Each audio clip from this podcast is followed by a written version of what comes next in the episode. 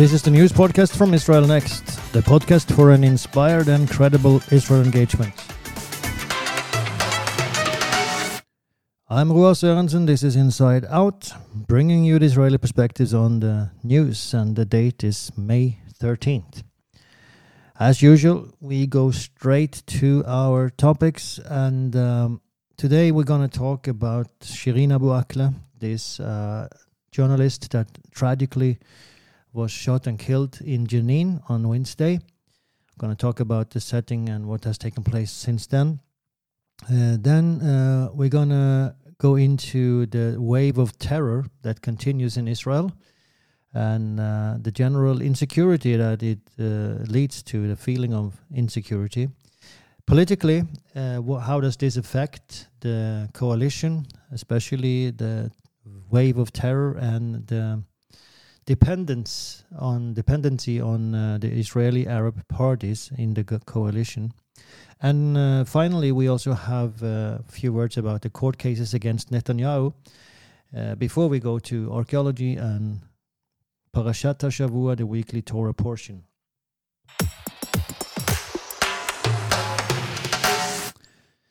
The Palestinian Authority is playing with fire in uh, this incident uh, relating to Shireen Abu Akleh. And just uh, for those of you who haven't followed the news, I guess uh, won't be many of you, but uh, if there's anyone, what happened was that Israeli uh, IDF forces were operating in Jenin on Wednesday morning, and Shireen Abu Akleh, the Al Jazeera correspondent for 25 years. He's a very veteran journalist, very well respected, uh, and uh, the face of uh, of Al Jazeera in Israel and uh, the Palestinian Authority. She she is a respected uh, journalist even among Israeli journalists. Uh, as a person, very nice to to talk to, and that's what I've heard in interviews the last couple of days. Uh, of course, he has been promoting the pro-Palestinian version of events, uh, very anti-critical uh, critical of Israel. Uh, but uh, anyway, uh, she's from Jerusalem, and, and right now, as I'm speaking here, the preparations are final preparations for burying her in the um, Mount Zion cemetery of the the Melkite Church. She was a Christian coming from Jerusalem, so but anyway, she then was uh, shot in uh, during the fire exchange in Jenin. Because what happened when Israeli forces went in there was that the terrorists started attacking them from multiple angles, and um, there there was a shooting match, and there she was killed. So uh, the IDF then. Um, of first of all, the, the Palestinian uh, Authority and sources, uh, Palestinian Arab sources, immediately denounced Israel and said this was the murder of a journalist, it was an Israeli attempt to silence a journalist, and so on and so forth. Uh, and there was no doubt among them that this was the work of Israelis. Uh, the IDF was also very quick on the scene and said, uh, with a video, and said, at the moment, uh, we uh, cannot say for sure who killed her, uh, but it's very unlikely that it was an Israeli soldier. Uh, because of the way we operate, uh, because of the line of fire. We uh, we were firing in different directions, but very few shots were, were going in that direction. Uh, whereas the the terrorists are like shooting from everywhere and indiscriminately. Uh, we, the IDF spokesman, said he said that we are our soldiers are professional soldiers. They they do not fire unless uh, they have a specific target. it's not just random firing. So uh, it's very unlikely that it was an Israeli bullet. But we cannot say for sure until we have uh, made the the tests and uh, seen the obduction and the results and so on. So Israel then proposed a joint investigation, something that uh, Palestinian Arabs and the Palestinian Authority Mahmoud Abbas has turned down completely, uh, and um, Therefore, uh, Israel now is trying to make their own uh, research as far as they can, looking at the angles, looking at where their soldiers were positioned. They're getting ballistic results from all the soldiers that were at the scene and really trying to reach the bottom, it, bottom of it as far as they can. Uh, but they said we need the bullet, we need uh, evidence, and we need uh, um, well an investigation that is a joint investigation. But that hasn't happened, and so from now on, it's very unclear uh, what will happen because uh, the Palestinian Arabs might have contaminated uh, the the evidence and the scene and everything. So um, even if there would now come results from them, of course, they would not be reliable. The US and the EU are also demanding an uh, investigation, a joint investigation, but that's not taking place uh, because uh, Shireen Abu Akleh was also a US citizen.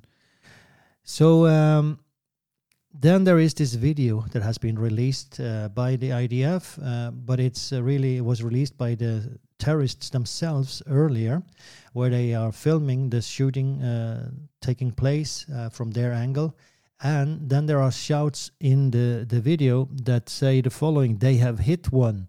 They have hit the soldier. He's laying on the ground. But no IDF soldier was injured or wounded or shot during this uh, fight.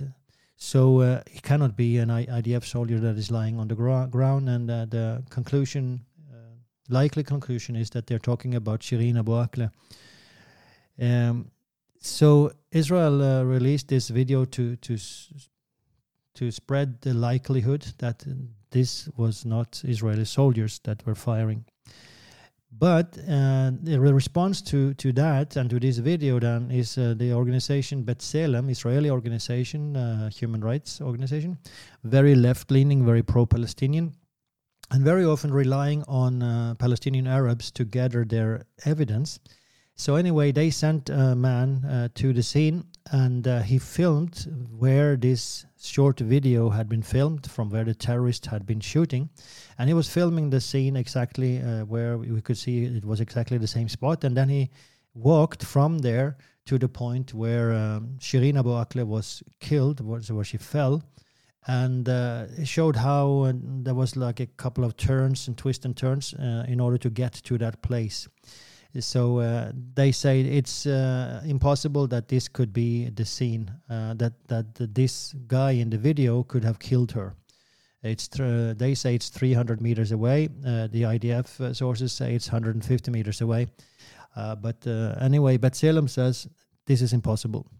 Now, when you look at that video, uh, you cannot really rule out, you cannot say anything because uh, when you see the place where he's shooting from, he's on a high level and uh, he could really, theoretic, theoretically, it could have been in the line of fire where the journalist was standing. But this film that they have been filming at B'Tselem uh, doesn't take us all the way to the point where she fell and film back towards where the shooters was standing. So uh, we cannot say for sure. But anyway, uh, all of these are, are, technical things, and they, they will be investigated by Israelis uh, and uh, the Palestinian Authority. You cannot count on their investigation anyway.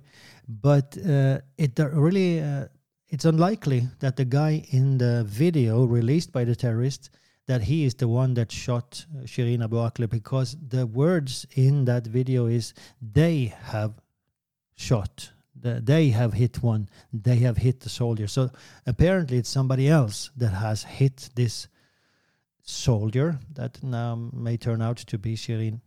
So uh, it's it's mo- most likely not the guy in the video. So uh, all this thing with B'Tselem it's uh, completely in in vain. It does, doesn't prove anything. It doesn't disprove anything. Um, so Israel is now trying to make their own investigation as far as they can, uh, and but of course they are very limited as long as they don't have the body, they don't have the bullet, that they have not been part of the the obduction, the autopsy. So. Uh, that's uh, that's a huge problem. When it comes to this uh, reaction from the Palestinian Authority, then uh, he uh, they of course held this huge uh, ceremonial funeral yesterday in Ramallah. It was more like a ceremonial thing because, of course, she's buried today in Jerusalem. Uh, but they really put a lot of effort into this to make it a huge thing because they use it to delegitimize Israel, attack Israel. And there, the Palestinian Authority chairman, Mahmoud Abbas, he held a speech and he said, We hold Israel fully responsible. Um, and we are now investigating, but we will not cooperate with Israel in an invest- investigation, for they are the guilty ones. And of course, that's a pecu- peculiar thing to say um, that we are investigating, but uh, Israel is guilty. So, uh, un- unless you have finished your investigation, it's very hard to say who is the guilty. But this is what they have been saying all along. And uh, it's sad also to hear that uh, scholars, uh, Israeli Arab scholars, are putting forward the same claim bombastically. Israel has killed, murdered uh, Shireen Abu Akleh. They are responsible uh, without any evidence. Um, and, uh, and now we're talking about professors in Israeli universities and also journalists, Israeli Arab journalists that I've been listening to uh, in, in Israeli radio. So um, there, there is really like a propaganda campaign going on from that side. And that's also going down on the international level. Of course, this has been spread all around the world. Uh, and uh, the Palestinian Authority is demanding that this will come uh, to the International Court of Justice in Hague. Uh, so, again, an attempt to use this for all it is worth. What the Palestinian Authority is doing here is they're trying to create another Mohammed al Dura. Mohammed al Dura was this child that some of you might remember he was shot and killed uh, one of the very first days of uh, what is often called the Second Intifada, uh, year 2000. Um, and um, it's uh, the Al-Aqsa Terror War is a better name. But anyway, uh, that uh, the death of Mohammed al-Dura was also blamed on Israel. It turned out to be false. There have been court cases proving this. Uh, but that doesn't matter because that is the way uh, Israel is responsible in the Arab world and in much of the mind of the Western world as well. So um, that's what they're trying to create here. Now, back then, it led to a terrible wave of terror. Uh, and if that's going to be the result now, then Mahmoud Abbas is really playing with fire because the reason they put on this big show yesterday in Ramallah to the ceremony during uh, the funeral of Al Akleh or the preparation for the funeral uh, is because they are very unpopular. The Palestinian Authority, Mahmoud Abbas especially, is very unpopular. Uh, Hamas has gained a lot of strength, and here that he was trying to get back on the playing field, and also by speaking extremely uh, aggressive against Israel. But doing that, he's flaming the flames the flames of terror, and that if that succeeds, so to say, if terrorists now come in big, bigger numbers than they already do, uh, that will lead to a severe Israeli reaction, and that might again lead to uh, the downfall of the Palestinian Authority. So uh, Mahmoud Abbas here uh, is really playing with fire. Probably he doesn't see that he has a choice, and that's why he's doing it. So. Um, who if we zoom out we can ask the question on a, on a like broader level with a broader perspective and see who really killed Shireen Abu Akleh and then we have to ask the question why were there Israeli soldiers in Jenin in the first place why, were they operating there and the answer of course is that there is a huge terror infrastructure in that city and uh, some of the terror attacks, like I say, say the names Beersheba, Bnei Barak, Dizengoff, Hadera, Elad. These are five places, cities in Israel, where uh, terrorists the last five, six weeks have performed uh, terrible uh, murders. 19 Israelis have been killed uh, uh, or murdered. And um, that's the reason there were Israeli soldiers in Jenin. They were there to to clamp down on the terrorists because three of them uh, of these terror attacks uh, they they came from Jenin. So that's the reason, and then. Uh, therefore, you can say that it's the Palestinian Arab terrorists that are responsible. Doesn't matter which bullet hit uh, Shireen Abu Akleh, and, and, most likely it is directly the Palestinian Arab terrorists themselves, but even if it would be uh, by mistake an Israeli soldier, then uh, the terrorists are the ones that are responsible for this because there wouldn't be a clash at all if there wa- was no terror.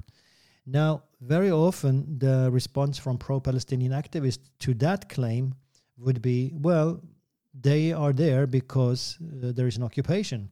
They are trying to liberate themselves. Uh, that would very often be the, the, the result. And then you you just have to counter. Okay, so then terror is allowed. Terror is allowed. It's it's allowed to to murder innocent civilians with axes because you are occupied. And I, I dealt with this last week as well, and it just makes no sense morally. If you if you ha- and of course they wouldn't claim that it makes uh, sense either. Most of them, at least, they wouldn't say that the terror is justified. But that's how they speak uh, that this happened because of the occupation. Uh, assuming we uh, we agree that there is an occupation, just assuming, uh, then you will also have to zoom out even wider and ask why is there such an occupation. So you can really go on and on here, but just to answer that question, why are uh, why is there a so-called occupation? Because three Arab states, Egypt, Syria, and Jordan, in 1967 decided now it's the time to destroy Israel. And they attacked Israel and uh, in an attempt to, to eradicate Israel from the map. And that's when Israel got controlled control over Judea and Samaria. Uh, so that's why there is a so-called occupation, which I don't think it is an occupation at all. Um, so, and then you can take this even further back and even further back. But even the claim that there is terror because of the occupation is wrong. It's uh, historically wrong because there was terror long before there was an occupation, so called. Long before Israel got control of Judea and Samaria, there was terror. So uh, there's really no excuse for this. There's no justification. There's no explanation. Uh, this uh, the death of Shireen Abu Akleh. It's a tragic death, and uh, those responsible are the Palestinian Arab terrorists.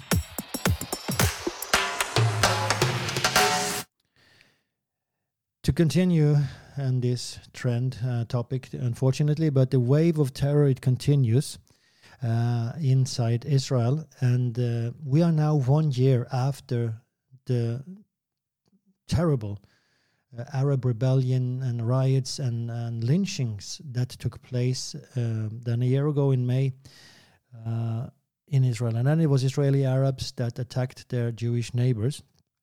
And once again, we see uh, not the same, uh, uh, definitely not the same, but we see some of the same traces of this. So, just to mention a few things, Akko yesterday. Akko is a mixed city, Jews and Arabs are living there. Um, and uh, in Akko yesterday, two Jewish boys were attacked by a mob of some 20 Arabs, uh, youngsters, and uh, they were attacked with, clubs and, and, um, and knives. Uh, they managed to, to free themselves and uh, they managed to, to get away from them. Uh, so they they were not seriously injured, but anyway, that that happened in Akko. In Lod, the same happened to a Jewish child, a similar thing.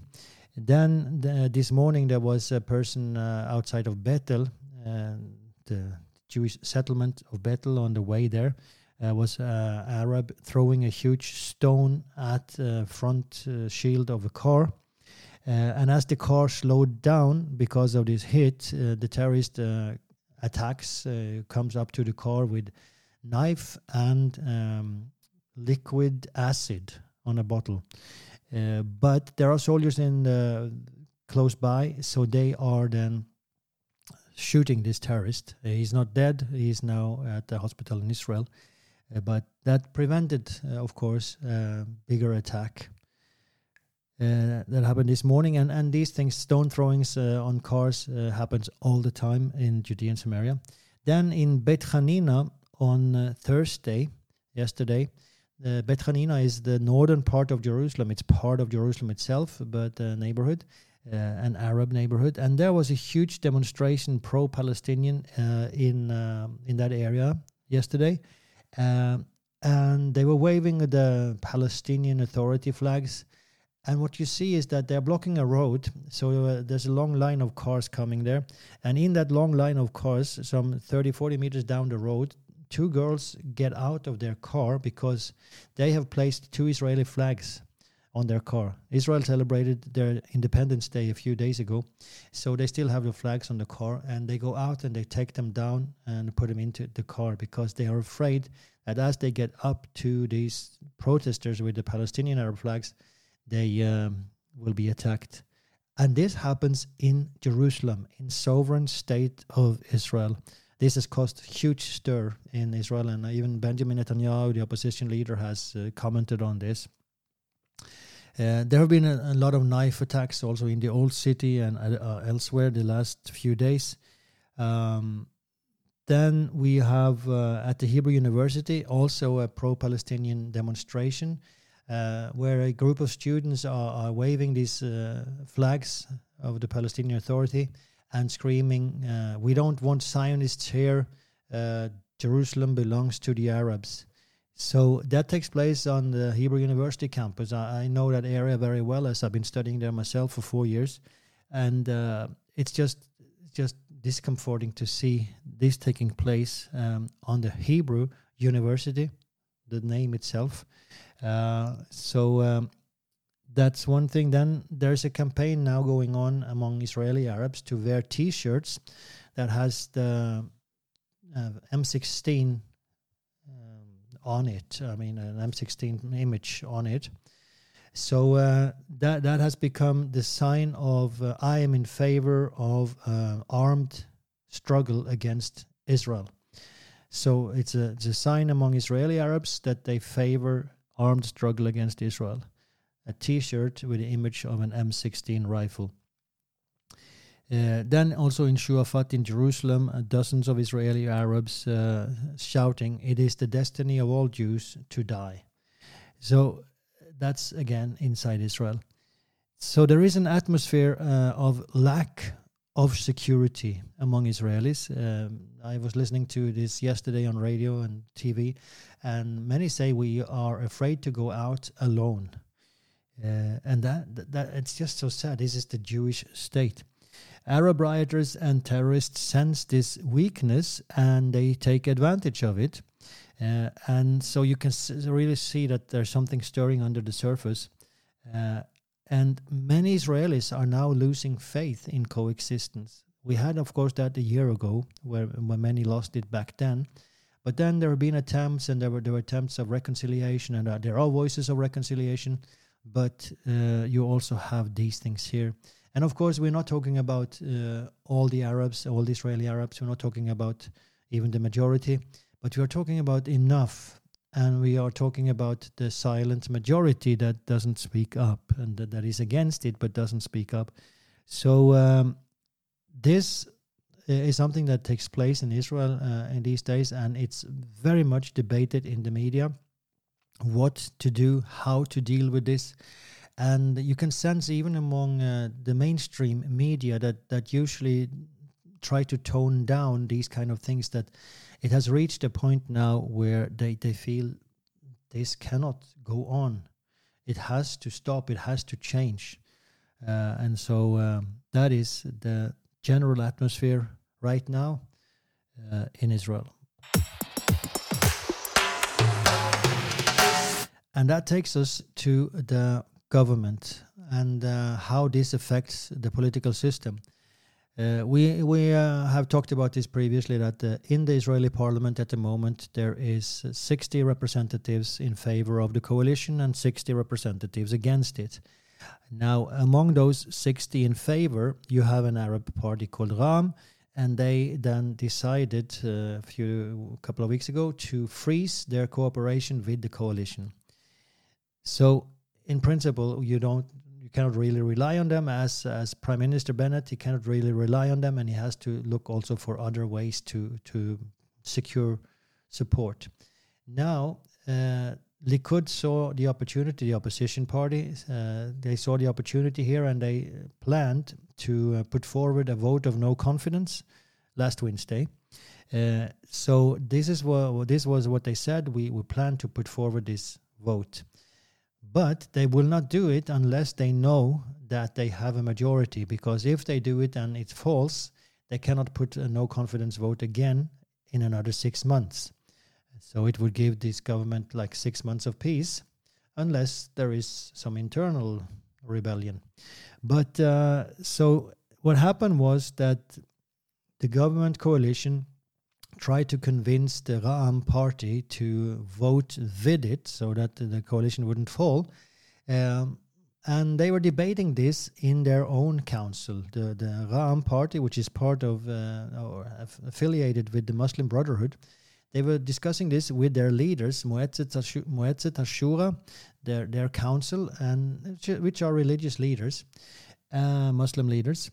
And um, they decided in the end to support uh, the government.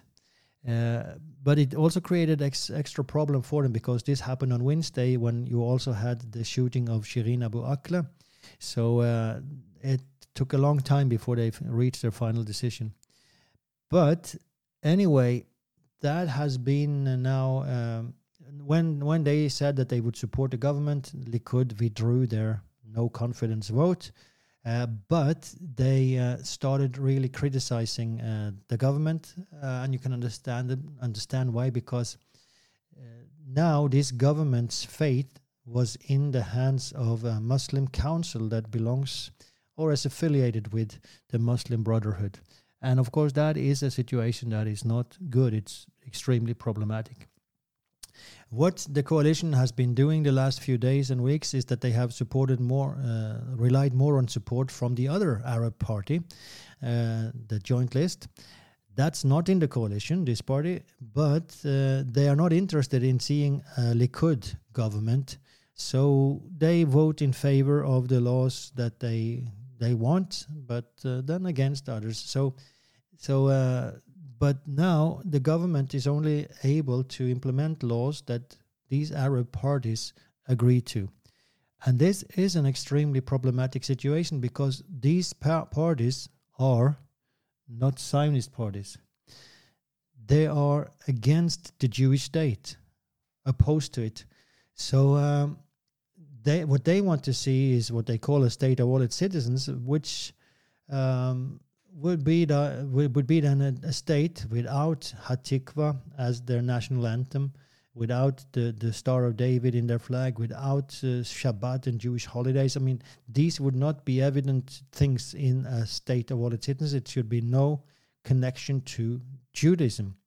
So this is what they are aiming for, and to have a government that is relying on this in, in an increasing extent is a problem. So. Um, what when it comes to, to how to evaluate this government, you have to evaluate it on its actions uh, and not, first of all, on the composition of its coalition. Uh, if that composition affects the action, then of course it is a problem, and, uh, and in the long run it will. Uh, so, so this is a difficult situation. But for now, uh, there are some questions that you could ask. How is this government performing when it comes to certain issues? Uh, for instance, when it comes to the Temple Mount, is this government giving in for Arab demands? Uh, the Arab Party wanted more influence from the Muslim authorities, Waqf, on the Temple Mount. Is the government giving in? And we don't have a clear answer. There seems to be going on more and more under the table, and um, that so the result is not clear. Problematic. When it, when it comes to uh, terrorists, there are in Israeli prisons there are always demands from these Arab parties that to ease the conditions for these terrorists, uh, and that in spite of the fact they have very good conditions. They are allowed to to uh, take uh, education. They're allowed to have a lot of visitors, and and they well they have a lot of things that they privileges that they have been given uh, because these Arab parties have been pushing for it, and now will they be pushing even more for it? Because in the end, it will be like a recreation home to get to an Israeli prison. So that's also an issue. Uh, what about the hunt for illegal weapons in the Arab sector? Will that be affected by the influence from the Arab parties? There is a huge number of illegal weapons, and those very often, or more often lately, have also served uh, to to be directed uh, against Jews in terror attacks. Um, then what about fighting terror in itself? Will the government be allowed to fight terror if it relies on the support from these parties? Uh, what about building in the settlements? Will they be able to do that? And they just uh, now announced new plans, so it seems like uh, at the moment, at least, they are they are able.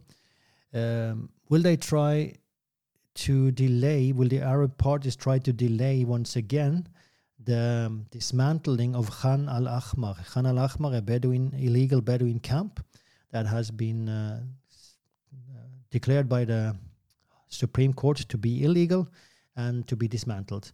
But it is has been postponed uh, time and time again, and maybe now it will uh, again be postponed. And what about uh, opening the American consulate in Jerusalem? The Arab parties are pushing for that, uh, and um, uh, the U.S. is pushing for that. Will uh, this government have to give in on that account? Uh, which uh, will signal the division of Jerusalem. That the, that is a sign towards the division of Jerusalem. So there are many things here uh, where you have to judge this government and see how are they performing. And for now, uh, they seem to be okay, but more and more seem to be happening under the table, and we don't know. They are giving concessions under the table to the Arab parties. So um, this is really a, a problematic time. And when it comes to uh, this government compared to the previous one under Netanyahu, I uh, I uh, was doubtful, but I said I'm in favor of this this government. I think Bibi Netanyahu has to to go uh, because he has become such a divisive person. But it comes to a point also uh, when you have to say, okay, but now the price is getting too high. Um, the there is a, certain stage when you have to say enough. I cannot say that we have reached that point. It's not ve- it's not obvious that we have reached that point, but it seems to be going in that direction very soon.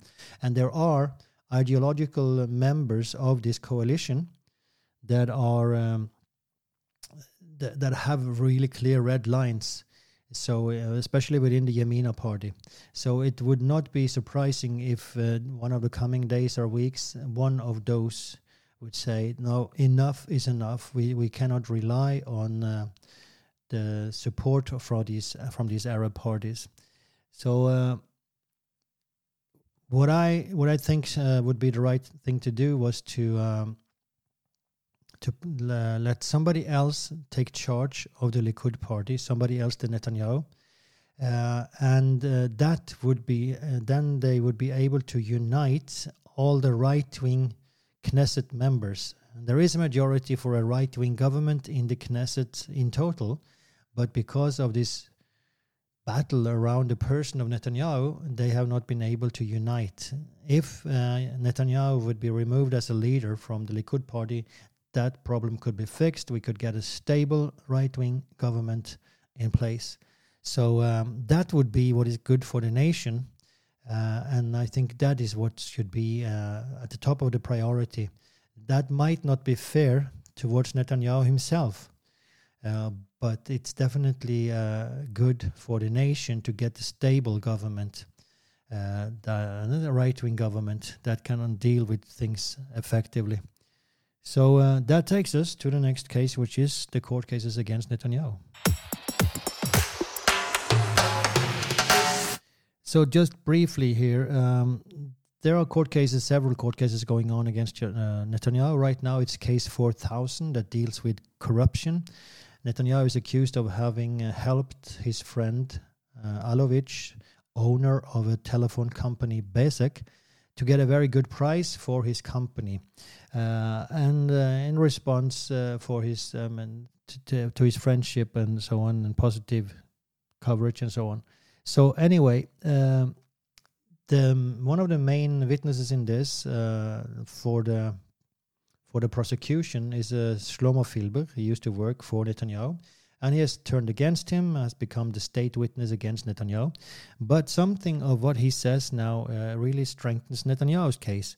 So. Uh, for instance, the, that a meeting that was supposed to have taken place on a certain date didn't take place on that date. Uh, it was impossible, so that has been proven to be false. Um, also, um, he says himself that he has been pressured by the investigators to say things that he really didn't mean about Netanyahu and that wasn't correct. They weren't correct. Um, and uh, that he was forced to to give them Netanyahu's head on a platter, so to say, uh, or or else they would come after him. So uh, there are many things that this witness Shlomo has been saying that has really supported uh, the case for Netanyahu. Uh, and uh, we we don't know where this will lead, but this is not the first witness that has proven to be problematic for the prosecution and uh, pretty uh, beneficial for the defense. So uh, right now you see even mainstream media reacting to this, and, they have been very critical against Netanyahu and, and said he is a criminal and so on. Uh, but uh, now they are also saying that okay, this this is not doesn't look good. There are things here that doesn't that don't look good. So um, even from that side, you can see that things are starting to to move. Unfortunately, it will most likely take a long time before there is any verdict, but um, because there, there's so many cases and they are huge in uh, documents that needs and witnesses that need to be listened to. So unless a deal is made uh, between Netanyahu and and uh, prosecution, uh, this is likely to drag on for for years. That's not a good situation for Israel um, because Netanyahu, as I said, has become a divisive person politically. And uh, uh, when he stands as opposition leader uh, or leader of the Likud, he is always the going to be the one that is going to take over if this government falls. So, uh, for that reason, I think it would be good if he could be uh, removed uh, fight this struggle uh, against the courts, uh, and and there seemed to be really a persecution against him. I've, I've said this before. Also, there seemed to be something here that it, it really doesn't smell good. Uh, but let him focus on that and let Israel go on with its political life and get a stable government. Um, that would be good for the nation. And, and, Netanyahu himself says that he wants what is good for the nation. So, uh, in my opinion, that would be the solution. Uh, it would not be fair to Netanyahu, but uh, I think it would be good for Israel.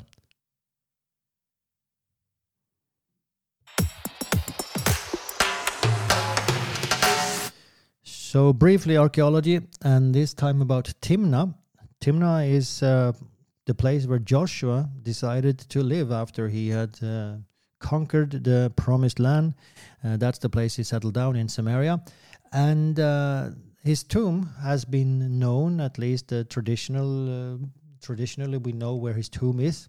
Uh, and the, it's a place uh, where Jews often visit, visit to pray. but the place itself, the city of Timnah, hasn't been excavated ever and uh, the, at least the place that is identified with Timnah. I cannot know for sure, but most likely. So uh, now that's going to happen. July 25th to August 19, there's going to be excavations taking place. It's even possible to to participate there as a volunteer. Um, and it's just interesting to, that uh, this place now is going to be revealed and uh, will probably throw light on things that uh, biblical events, maybe not as far back as uh, Joshua. We'll we'll have to wait and see. But uh, the initial survey shows that there are rich remains from the Iron Age and from the Roman period. So at least just after, uh, just after Joshua, that period, and then until the Roman period. So uh, it's going to be interesting to follow this excavation.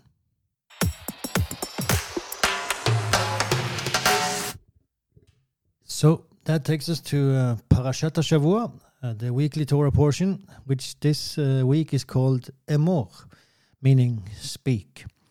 And uh, that's from Leviticus 21 1 to 24 23. A summary that God lists a number of rules that apply for priests, such as not touching the dead except for those close relatives, uh, make no cuttings or marks in the flesh, only marry a virgin, have no bodily defect uh, priests cannot enter the tabernacle or deal with holy things if they are in a state of uncleanness. Uh, then God gives orders about uh, free will offerings from the people, how that is to be done. And then he lists the feasts of the Lord and how to keep them. Uh, Shabbat, Passover, unleavened bread, first fruits, Shavuot, trumpets, Day of Atonement, and tabernacles. Then he says that the menorah in the tabernacle shall burn continually and gives orders concerning the shewbread before we have the punishment for blasphemy. So that's what it's all about. And uh, just one uh, comment here about uh, Moadim and Mikra'e Kodesh, which are usually translated, Moadim translated appointed times, and uh, Mikra'e Kodesh, holy convocations. So there is a commentator that defines uh, these Moadim, the, the, the, festivals, the feasts, uh, the appointed times. It defines it like this A festival is an appointment with the past, an encounter with an event and phenomenon in our history. It's an opportunity to call forth the particular holiness of the day and tap into the spiritual resources it holds. And I, I just thought that was a very good uh, way to put it. Um, it's an appointment with the past and an event or phenomenon in our history. Of course, he speaks as a Jew, so this is the biblical history. Uh, it's an opportunity to call forth the particular holiness of that day and that event, and then tap into the spiritual resources that it holds. So uh, he also continues and says that each of these appointed times uh, of our Heavenly Father, they, there he supplies us with the resources that nurture our spiritual lives. So uh, another commentator then adds that Moed is not just an appointed time, because there is also this word Ohel Moed, the tent of meeting. And in this this instance, uh, the word moed is translated meeting. So it's it's an appointed time for a meeting. It's an appointed time and place, uh, and uh, that appointed time and place is a meeting with God. These are my appointed times. This is when you're gonna meet with me. So uh, I, I just thought thought that this was uh, something to, to take with us because uh, in the Christian circles we don't have the same uh, respect or attitude towards uh, the holidays. We we uh, of course remember that the Passover or Easter, that's when we commemorate the the death and resurrection of Jesus, and uh, in some way there there there is of course a holiness to this, but there is also a deeper level when you like tap into the, the resources uh, perhaps the, the best um, in the christian uh, world the best parallel is uh, how we relate to communion where we where we see that more as also tapping into something uh, that's on a deeper level. So uh, and it's interesting that when god lists his appointed times he also lists the Shabbat, uh, and uh, the Shabbat, uh, of course, is in a special situation because the other appointed times are dependent on human participation because it's written in uh, in this chapter that these are the appointed times that you will declare. Uh, the, so so man has to declare those past except for the Shabbat. That comes like in the beginning, and then comes these are the ones that you will declare. So the Shabbat is not declared. There's no human intervention. It comes as part of creation. So that that comes on a regular basis, whether you, declare it or not. The other uh, appointed times uh, in in Jewish tradition, there was um, Bet Din, like a court that decided when the month would start and based on when the month started you knew when the holidays the festivals would come. So uh, and, and according to that verse then in this portion. So uh, shabbat is in another category. It's something that god has decided sovereignly. And it comes every week. The others comes come one once a year. So anyway uh, good thoughts to to take with us. And uh, that leaves us with the priestly blessing so uh, we're going to bless Israel and also just pray for, for what we've been talking about here. Pray for the political situation, the, the terror wave, that it will fail, the terrorists will fail, uh, and uh, that uh, this government will uh, have the wisdom to do what is right, have the strength and the power, the authority to do what is right. uh, and the nation as such, and also the political leaders that they will will do what is right and what is best for this nation. So let's pronounce the blessing upon Israel. יברכך אדוני וישמרך. יאר אדוני פניו אליך ויחונקה. יישא אדוני פניו אליך וישם לך שלום. Amen. Thank you for following, and uh, until next week, say something good about Israel.